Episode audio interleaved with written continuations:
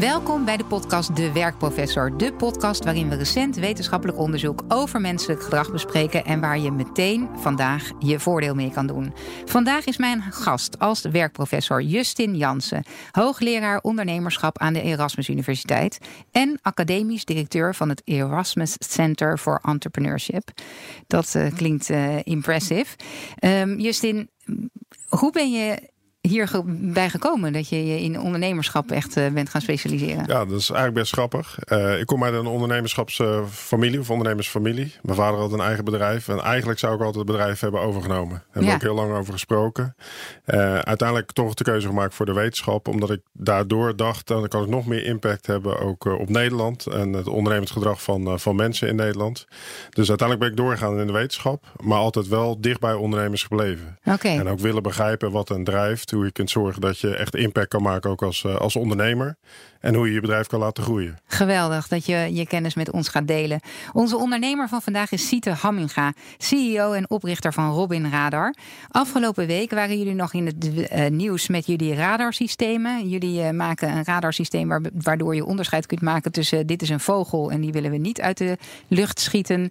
En dit is een drone met wellicht een bommetje eraan en die willen we wel uit de lucht halen. En afgelopen week bleek dat jullie ook op Heathrow Airport jullie systemen staan. Um, dat uh, wist jij natuurlijk al lang, maar nu uh, mochten wij dat ook weten. Um, kan jij nog even de oorsprong uh, vertellen van hoe je daarmee bent begonnen? Ja, ik heb in 2010 technologie overgekocht van TNO Defensie en Veiligheid. En die hadden de vogelradar technologie ontwikkeld voor onze eigen luchtmacht. En ja, voor TNO zat de rol erop. Uh, het werkte, maar ze mochten het niet in hun rol commercieel uh, in de markt zetten. En uh, ik wel. En dat leek mij een buitengewoon goed idee. Ja, dus, en daar ben je vrij succesvol in. Want je stond nu ook in de lijst van Deloitte Fast 50 bij de 25 snelst groeiende techbedrijven.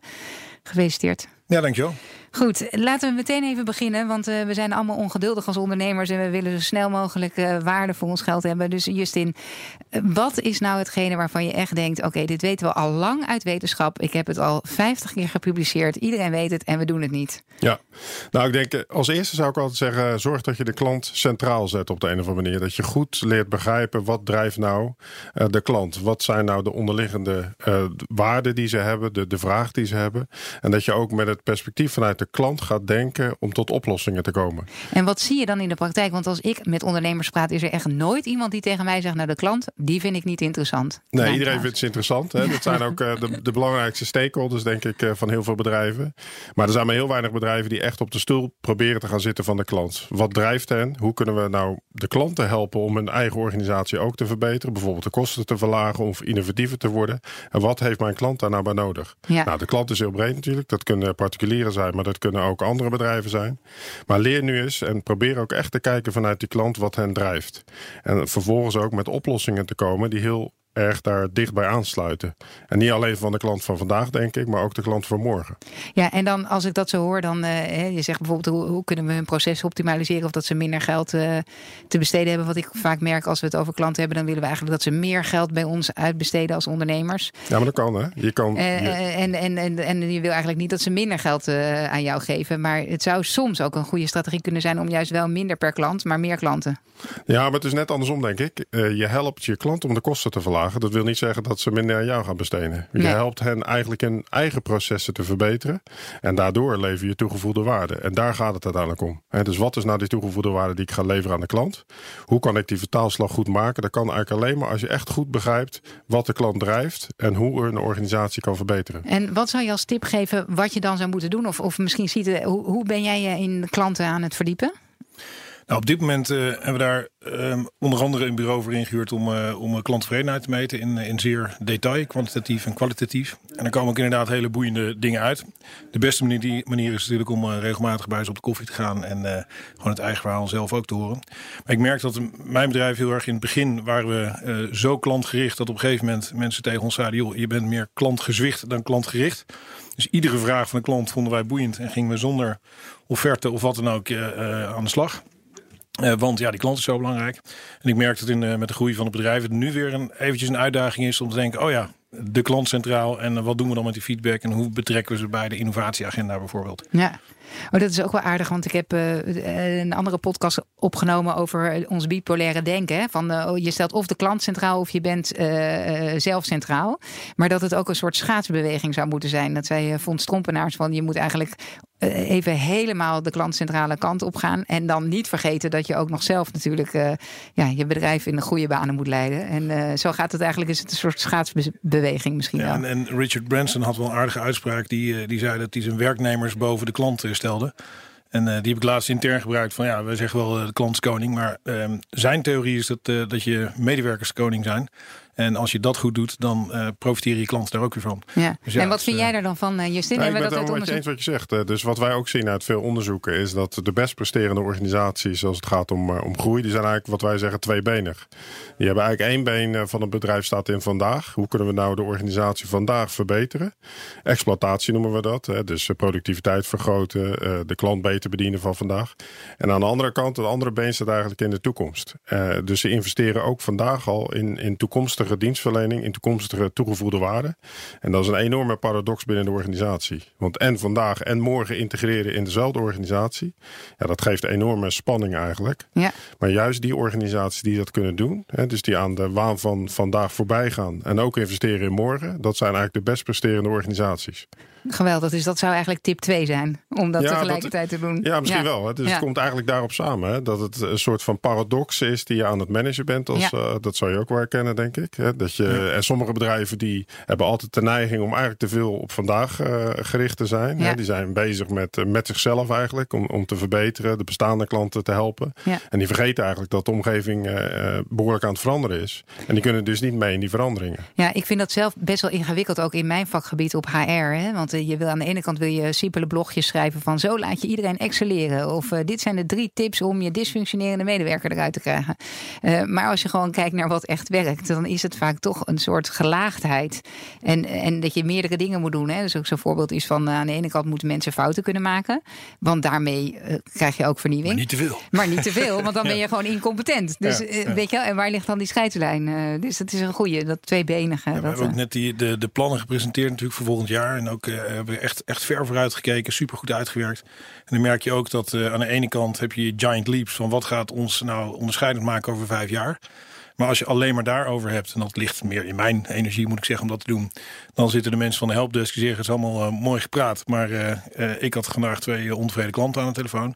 En als je alleen maar operationeel bezig bent, ja, dan heb je geen toekomst. Dus die balans, ook om, om dat te laten landen binnen je team, ja. is onwijs belangrijk. Ja, precies. En dan moet je waarschijnlijk ook aandacht besteden aan die twee dingen. Ja. Ja, dus misschien nog even terug naar de klantfocus. Het is dus niet alleen dat je met de klant van vandaag in gesprek gaat om, om te achterhalen wat daar die, die onderliggende vraag is. Maar ook de klant van de toekomst te gaan zoeken. Ja. En waar is die? kunnen we die identificeren en kunnen we daar ook weer in, in gesprek mee gaan? Ja, Oké, mooi. Hey, en een, andere tip, als je zegt van uh, het onderzoek, dus de eerste is uh, de klant centraal. En wat zou de volgende zijn? Uh... Nou, ik denk ook wat je, wat je veel ziet bij MKB-bedrijven, zou ik zeggen, die eigenlijk een beetje worstelen met hoe kunnen we nou groeien. ik denk dat we ook moeten realiseren dat als je naar Nederland kijkt in zijn algemeenheid, het grootste deel van, van Nederlandse bedrijven helemaal niet groeit. Nee. Dus die hebben best wel moeite om nieuwe groeikansen te kunnen identificeren en waar te maken. Nou, waar ligt het dan vaak aan? Het ligt veelal ook gewoon aan het managementteam. Het leiderschapsteam. Heel veel MKB-bedrijven in Nederland, ja, die hebben leiders die zijn goed uh, in het managen van vandaag, zullen we maar even zeggen. En die zijn goed in het verbeteren van de organisatie. Die zijn vaak operationeel uh, gericht. Uh, die hebben ook enorme kennis van zaken op een bepaald gebied van het bedrijf nu. Maar je ziet eigenlijk dat er weinig uh, mensen binnen leiderschapsteam zijn die al bezig zijn met morgen. Die meer ondernemende vaardigheden hebben. En daarmee ook nieuwe business bijvoorbeeld kunnen initiëren binnen het bedrijf. Ja. Dus ik zou ook zeggen als tip 2, ja, durf ook te investeren in je leiderschapsteam. Probeer ook eens goed in kaart te brengen wie je allemaal hebt binnen je leiderschapsteam. Wat voor soort mensen dat zijn. Wat voor soort vaardigheden die mensen hebben. En heb je ook de vaardigheden binnen je team om echt de, de stappen richting de toekomst te kunnen maken. Ja. En zo niet, ja, kijk dan of dat die ergens anders binnen de organisatie aanwezig zijn. En als dat niet is, ja, probeer dan ook en durf ook te investeren in, in het leiderschapsteam van de toekomst. Ja. En haal ze dan van buiten. Ja, nou, ik, ik ben het natuurlijk helemaal met je eens. En tegelijkertijd uh, is er net een rapport uitgekomen dat heet Euro European Scale-up Report. En daarin stond dat de gemiddelde scale-up in Europa 16 7 geloof ik FTE in dienst heeft en uh, 1,7 miljoen uh, omzet doet. En dan vraag ik me altijd af, ja. Uh, ik ben het heel met je eens. Als je wilt doorgroeien, heb je gewoon een leiderschapsteam nodig. waarin ook de, de brain capacity zit en de emotionele intelligentie om door te groeien. En tegelijkertijd heb je uh, niet een budget waarvan je denkt: Nou, ik ga eens even een, uh, een McKinsey consultant aannemen in mijn MT-team. Dus hoe, hoe, hoe kijk je daarnaar? Nou ja, uiteindelijk zou je toch die keuze moeten maken inderdaad. Hè? Dus die investering die je wellicht gaat doen in, uh, in iemand die je naar binnen wil halen met de juiste vaardigheden om ook de toekomst aan te kunnen. Ja, dat betekent waarschijnlijk dat je minder geld uh, over hebt als bedrijf om te investeren in, in andere aspecten van het bedrijf. Ja. Maar je moet toch die keuze durven te maken. Ja. Hè, dus hier gaan ook de kosten voor de baat, baat uit. uit. Ja. Uh, maar hier moet je toch meer lange termijn perspectief aannemen als ondernemer. Uh, en dan toch even die, die korte termijn maar uh, voor lief ja, nemen. En ook misschien even een beetje je eigen ego dat jij de beste bent in dat team. Dat je daar ook meteen ja. mee aan de zijde. Ja. herken je dat ook? Dit, ja, heel erg. Ehm, ik had vooral iemand nodig om juist de dagelijkse business, de binnenkant van het bedrijf, te professionaliseren. Mijn, ja, die energie ligt bij mij juist in die, in die toekomst. Um, en voor ons is, en zeker nu ik terugkijk, een enorme stap geweest dat we twee jaar geleden een COO hebben aangenomen. Een dame van de ASMI, ge-executive searched, noem ik het maar even. Nou, als je het nou hebt over grote denk, ik heb dat altijd onzin gevonden om zoveel geld uit te geven aan searchbureaus. Ik dacht altijd, nou, als je mij drie middagen vrijgeeft, dan uh, heb ik het gauw verdiend. Nou, eerste keer dat gedaan, echt fantastisch succes. Um, dat heeft voor mij een enorme energie gegeven. Uh, um, ik probeer echt mensen om me heen te staan die slimmer zijn dan ik. En dat, dat lijkt nu gelukt te zijn. En, en dat maakt dat je een hele mooie balans gaat krijgen tussen ja, operational excellence aan de binnenkant en naar de buitenkant te groeien. Wij hebben de doelstellingen gedaan, Wendy, om voor 2030 willen we op 150 miljoen omzet zitten. Ja. En afgelopen jaar was dat 9 miljoen. Dus aan onze ambities. Uh, Daar zal het niet aan liggen. Geen gebrek. nou, ik vind het ook mooi om te horen. Want je ziet ook, uh, doordat je die mensen hebt aangenomen, heb je waarschijnlijk zelf ook gewoon meer tijd en ruimte, ook in je hoofd, om Absoluut. na te denken over ja. de toekomst van je bedrijf. En kom je met dit soort ambities. Ja, en ik denk ook voor dat leiderschapsteam en dat het echt nodig is dat je ook een scenario, hè, dus wat jij zegt, die 100, kijk, zodra je 150 miljoen op een bord schrijft in 2030 erbij en gaat dan terugrekenen wat er dan moet gebeuren, dan kom je ook heel snel tot de conclusie dat je echt mensen erbij moet hebben die veel meer capaciteit hebben. En als je meer gaat kijken van ik ben nu hier en volgend jaar wil ik daar zijn, dan is die noodzaak om dat helder te krijgen ook minder misschien uh, aanwezig. Maar dat kip-ei wat je zegt, hè, van uh, kijk, wij, wij zijn nu mooi winstgevend, dus kunnen we dat ook betalen. Maar in die periode daarvoor hebben wij hetzelfde gedaan als iedereen. Namelijk uh, ja, heel erg op de kosten letten en dus ook in het hiringproces, nou dat doen we wel even zelf. Ja. mensen aannemen die nou, niet top of the line zijn. Um, en dat, dat was ook vaak een spanningsveld met investeerders die dan zeggen van als wij iemand willen aannemen, zeiden ze ja, maar dat, past, dat salaris past niet bij de omvang van je bedrijf. Nee, maar het past wel bij de ambitie die we net hebben neergezet. En dat zijn natuurlijk altijd van die spanningsvelden. Dus het wordt wel makkelijker naarmate je ja. uh, succesvoller bent. Ja, en dan tegelijkertijd is het ook zo, nog zo dat het niet altijd zo is dat degene die je meer geld betaalt, dat die ook meer nee, oplevert. Hè? Nee, dus het is, uh, daar moeten we ook nog wat En dat is altijd spannend. Ja, precies. Maar goed, de tip van uh, kijk echt naar de kwaliteit in je managementteam. Zorg dat er mensen in zitten die naar de toekomst kunnen kijken en je bedrijf echt een, een volgend niveau kunnen ja. geven. Is denk ik een hele goede. Ja, of je doet en, het zelf, hè, wat, wat jij net zei. Hè? Dus jij bent meer de ondernemende geest. Ja, zorg dan dat er naast Operationele excellence. Precies. Ja. Dus. ja, en wij zijn bijvoorbeeld bij mij zijn we juist weer heel erg aan het investeren in jonge mensen. Waarvan we de potentie zien en die we zeggen we, we leiden ze op om door te kunnen groeien. Dus dat is ook nog een oplossing ja. die, uh, die soms kan werken. Oké, okay. um, dan uh, ben je nu volgens mij ook Justin bezig om de top 250 uh, bedrijven in Nederland weer ja. de data van druk mee, mee doen. Ja. We hebben cijfers nodig van tot het einde dit jaar. Dus of afgelopen jaar. Ja, van 2019. 2019. En um, je, je, kan daar waarschijnlijk nog niks over zeggen. Hè? Want ik weet dat het vorige rapport wat jullie in november hebben uitgegeven, daar bleek eigenlijk uit dat we niet meer, dat we minder bedrijven doorgroeien uh, dan, uh, dan de jaren daarvoor. Ja. Uh, maar je kan waarschijnlijk nog niet zeggen over wat je nu in het nieuwste rapport. wat nee, ik weet de cijfers zelf nog niet. Nee. maar het, het grappige vind ik wel van die top 250. die zijn we uiteindelijk gestart om ook meer rolmodellen te creëren. Hè, om ook te laten zien dat je ook in Nederland met de context die we hebben echt wel gave groeibedrijven kan, kan ontwikkelen. Afgelopen jaar was de winnaar Picnic. Ja. Nou, Picnic is wat dat betreft echt een uitbuiter. Een bedrijf die pas vier jaar bestaat, denk ik. En nu al nummer één.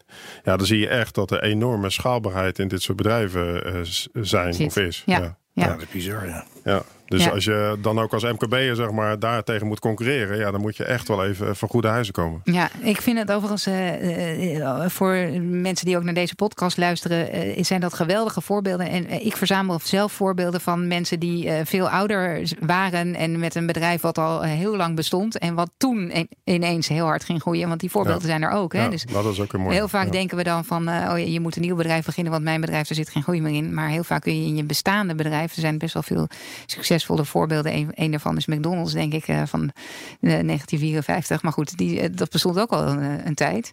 En uiteindelijk is daar met een bepaalde slag is dat een wereldconcern ja, geworden. Maar als je kijkt naar groeiende bedrijven in Nederland, snel groeiende bedrijven, de gemiddelde leeftijd is 20 jaar. Ja. Dus het zijn oh, ja, niet precies. allemaal jonge, jongens en meiden die binnen drie, vier jaar heel snel gaan groeien. Ja. Nee, het zijn juist bedrijven die een flinke aanloopperiode nodig hebben gehad om het bedrijf op te bouwen. Nou, misschien herken je dat ook. Hè? Dat, fit te vinden. Precies. maar dat je ook de organisatie kan klaarstomen om die snelle groei aan te kunnen gaan. Precies. Dus het is voor niemand nog te laat, jongens. Nee, het is voor niemand te laat. Oké. Okay. De laatste tip, hè? want we hebben nu gezegd: oké, okay, we hebben zet de klant centraal. Ehm, we hebben gezegd: investeer in je managementteam en zorg dat daar goede diversiteit in zit en vooral mensen die over de toekomst na kunnen denken. En wat zou je als derde willen noemen? Nou, ik zou dan ook meer naar de organisatie zelf willen kijken. Wat we ook veel zien bij die snelgroeiende bedrijven, is dat ze enorm veel tijd en energie investeren in de identiteit. Uh, wil, of uiteindelijk willen weten wie zijn we, waar staan we voor en wat zijn nou onze kernwaarden. Ja, waarom zijn die zo belangrijk? Omdat die ja, mensen uh, enthousiasmeert om, uh, om te gaan werken naar een bepaald hoger doel die je wilt bereiken als organisatie. Je brengt mensen bij elkaar. Hè, in plaats van uh, dat medewerkers zich ook gaan concurreren met elkaar, krijg je een soort gemene deler. En dat is heel belangrijk, zeker als je heel snel groeit. En je kunt je uh, voorstellen als je 100 medewerkers per maand uh, zo'n beetje gaat aannemen. Als je echt snel groeit als bedrijf zijn. Ja, kan het ook op een gegeven moment los zand worden. Ja. En mensen zien niet meer wat eh, de werkzaamheden die ze zelf doen, hoe die bijdragen uiteindelijk aan het grotere doel van de organisatie. En dus het is echt belangrijk ook dat je goed begrijpt wie je bent, waar je naartoe wilt en wat de kernwaarden zijn binnen je bedrijf. Ja, mijn ervaring is uh, dat dat aan e door een bepaalde groep ondernemers heel erg wordt herkend. Maar dat ook een groep ondernemers denkt van ja, kernwaarden en een purpose en helemaal zweverig gedoe. Um, ik denk dat het dat het benoemen nog dat kernwaarden ook zouden moeten helpen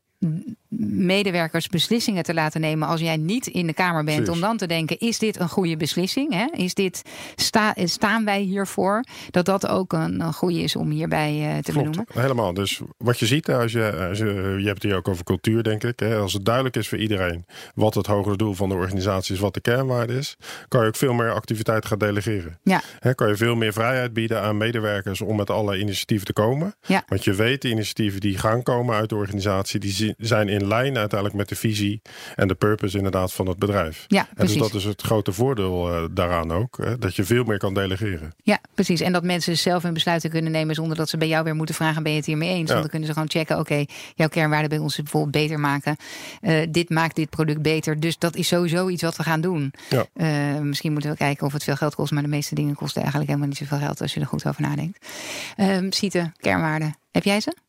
Ja, we hebben ze. Um, sinds een jaar formeel, zou ik maar zeggen. Uh, voor die tijd heel erg informeel.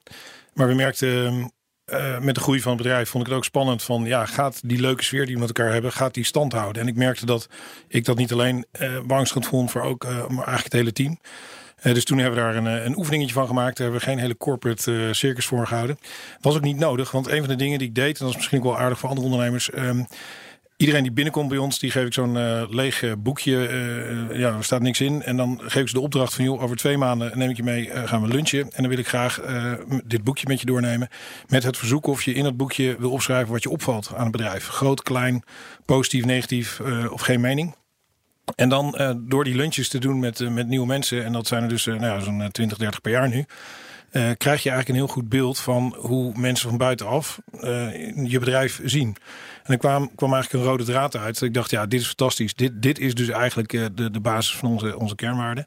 En toen zijn we dat wat formeler gaan opschrijven en gaan communiceren en checken met het personeel. Jongens, delen we dit? Nou, dat werd gedeeld. En het mooie daarvan vind ik ook, is dat het ook iets is waar mensen je dus op mogen aanspreken. We hebben onder andere transparantie en openheid als, als kernwaarden. we willen niet aan elkaars intenties hoeven te twijfelen. En op het moment dat wij dus ja, ervan beticht worden dingen achter te houden, dan mag je ons er ook op aanspreken. Ja, ja dat is heel mooi. Wat ik ook mooi vind in wat je nu zegt, is dat je eigenlijk benadrukt dat het, het mag best wel een beetje aspirational zijn, vaak, hè, die kernwaarden. Maar ze moeten wel, eigenlijk ben je het al. Dus het is niet iets nieuws wat je.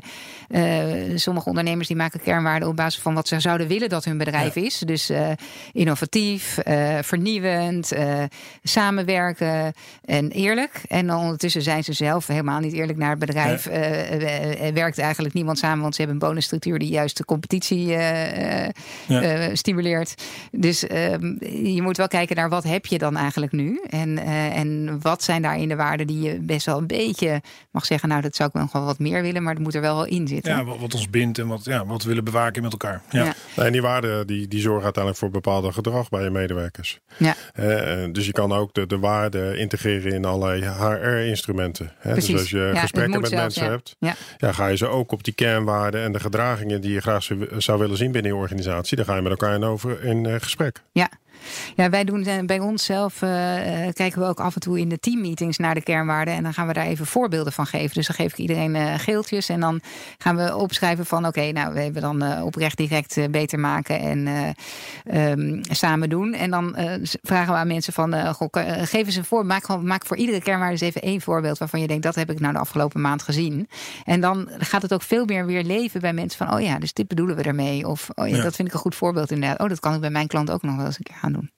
Ja, leuk. Dat is wel een idee. In een techneutenclub ligt dat iets gevoeliger, ja. maar ik ga mijn best doen. Ja, nou ja, in, je performance review uh, terug laten komen. Of gewoon een, een, een, een bord hebben waarin je een, soort uh, voorbeeldjes van... hey, dit is echt grappig. Nu, dit is nu, nu ben ik een keer aangesproken op dat ik uh, dus niet transparant was. En dit heb ik eraan gedaan. Is, is natuurlijk goed om dat te delen. Want dan denken mensen, oh ja, we leven zo ook echt. Ja, dat klopt wel. Ja, wat Justin ook zegt, bij, het, bij, het selectie, bij de selectie van mensen... wij vragen mensen, what was your latest fuck-up? En als mensen daar enorm omheen lullen of ze, of ze oh noemen iets wat allemaal voorbeelden van dingen die buiten zichzelf gebeurd zijn, denk ik oké, dan, dan mis ik de openheid en, het, en, en de bereidheid om je kwetsbaar op te stellen. Dan, dan pas je hier niet. Nee, ja. Precies, wij hebben ook zo'n soort vraag van uh, inderdaad van uh, wat, wanneer heb je feedback gekregen waarvan je dacht, auw, dat doet wel een beetje pijn, maar ze hebben ook wel gelijk. Ja, en mensen die dan nergens op kunnen komen, dat vind ik ook heel moeilijk. Ja, ja en ik denk ook misschien, uh, het helpt je ook om uh, te communiceren met je medewerkers wat je ook niet wil zijn uiteindelijk. Ja. Uh, door heel goed te benadrukken wat je wel wil zijn. Ja, ja. zijn er ook aspecten en gedragingen of waarden of purpose die je niet wil zijn. En dat helpt je ook wel met de focus. Hè. Dus het helpt ook wel het leiderschapsteam om snelle beslissingen te nemen. Omdat je veel beter ja, een beeld hebt van wat je wel en niet zou willen zijn. Ja, ja, precies. Hey, um, kunnen jullie niet een spel bedenken of zo, uh, uh, waarin we dit soort dingen meer kunnen leren? Of makkelijk, ik moet denken aan een, een, spel dat heet Cashflow, wat ik met mijn zoon ging spelen, omdat hij van een of andere Amerikaanse guru ging over investeren en hoe zorg je dat je een passieve inkomensstroom zo snel mogelijk voor jezelf creëert om uit de economische red race te komen. Oh, dus je neemt echt even afstand in het weekend. Ja, ik neem echt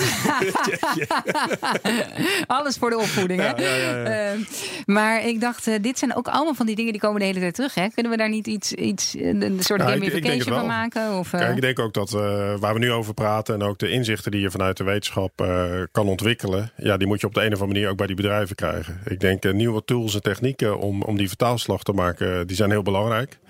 Uh, gaming applicaties, denk ik, kunnen daar een hele belangrijke rol bij spelen. Ja. Dat is wat ik ook zie bij. Zijn jullie er al mee bezig? Ja, we zijn er nu mee bezig om allerlei uh, de kennis die we opdoen te vertalen in dat soort uh, spellen eigenlijk. Of serious gaming applicaties. Hè, zodat ondernemers ook uitgedaagd worden op een leuke manier.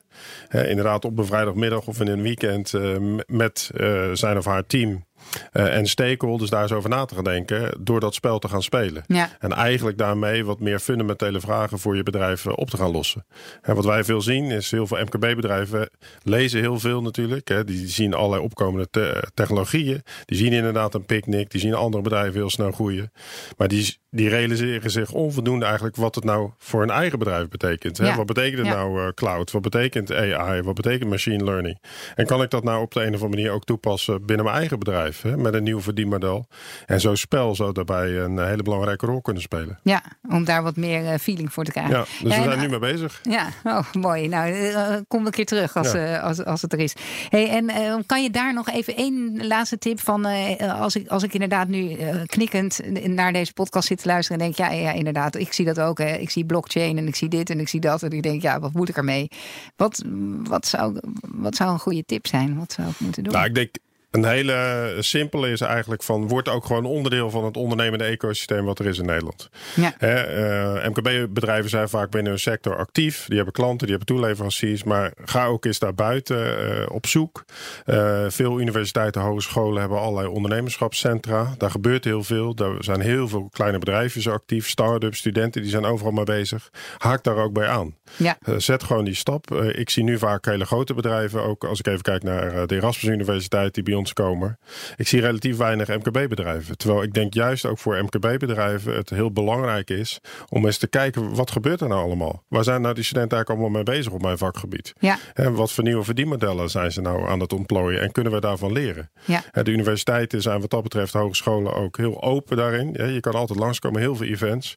Maar wordt op de een of andere manier ook onderdeel van het ondernemende ecosysteem. Ja, dus als ik naar een event, oh, jullie hebben jullie een eventpage op de ja, ja alle universiteiten hebben dat. Hè? Ja, dus heel veel universiteiten hebben bijvoorbeeld even universiteiten dan. Die hebben het ondernemerschapscentra. Daar gebeurt heel veel op vakgebied. De TU Delft. Ze zijn allemaal wel gefocust op bepaalde terreinen. Ja, ga dus daar kan je een beetje zoeken. Ja. Inderdaad. En ga, neem anders eh, collega-ondernemers mee. En, en ga ook samenwerken dan met, met het ondernemende ecosysteem. Ja, en, en ik zou dan ook eh, nog daaraan toe kunnen voegen de Meetup app. Uh, ik weet niet of je die kent. Uh, M-E-E-T-U-P. Gewoon Meetup in de, wat is het, ontmoeting in het Engels.com. Daar, als je je daarop aanmeldt en een beetje je interesses ingeeft, dan, eh, dan zijn er ook echt enorm veel events die worden georganiseerd. Uh, allemaal een beetje in die hoek. Eh, voor iedereen is er wat. Ja. Nou, goede tip om mee af te sluiten.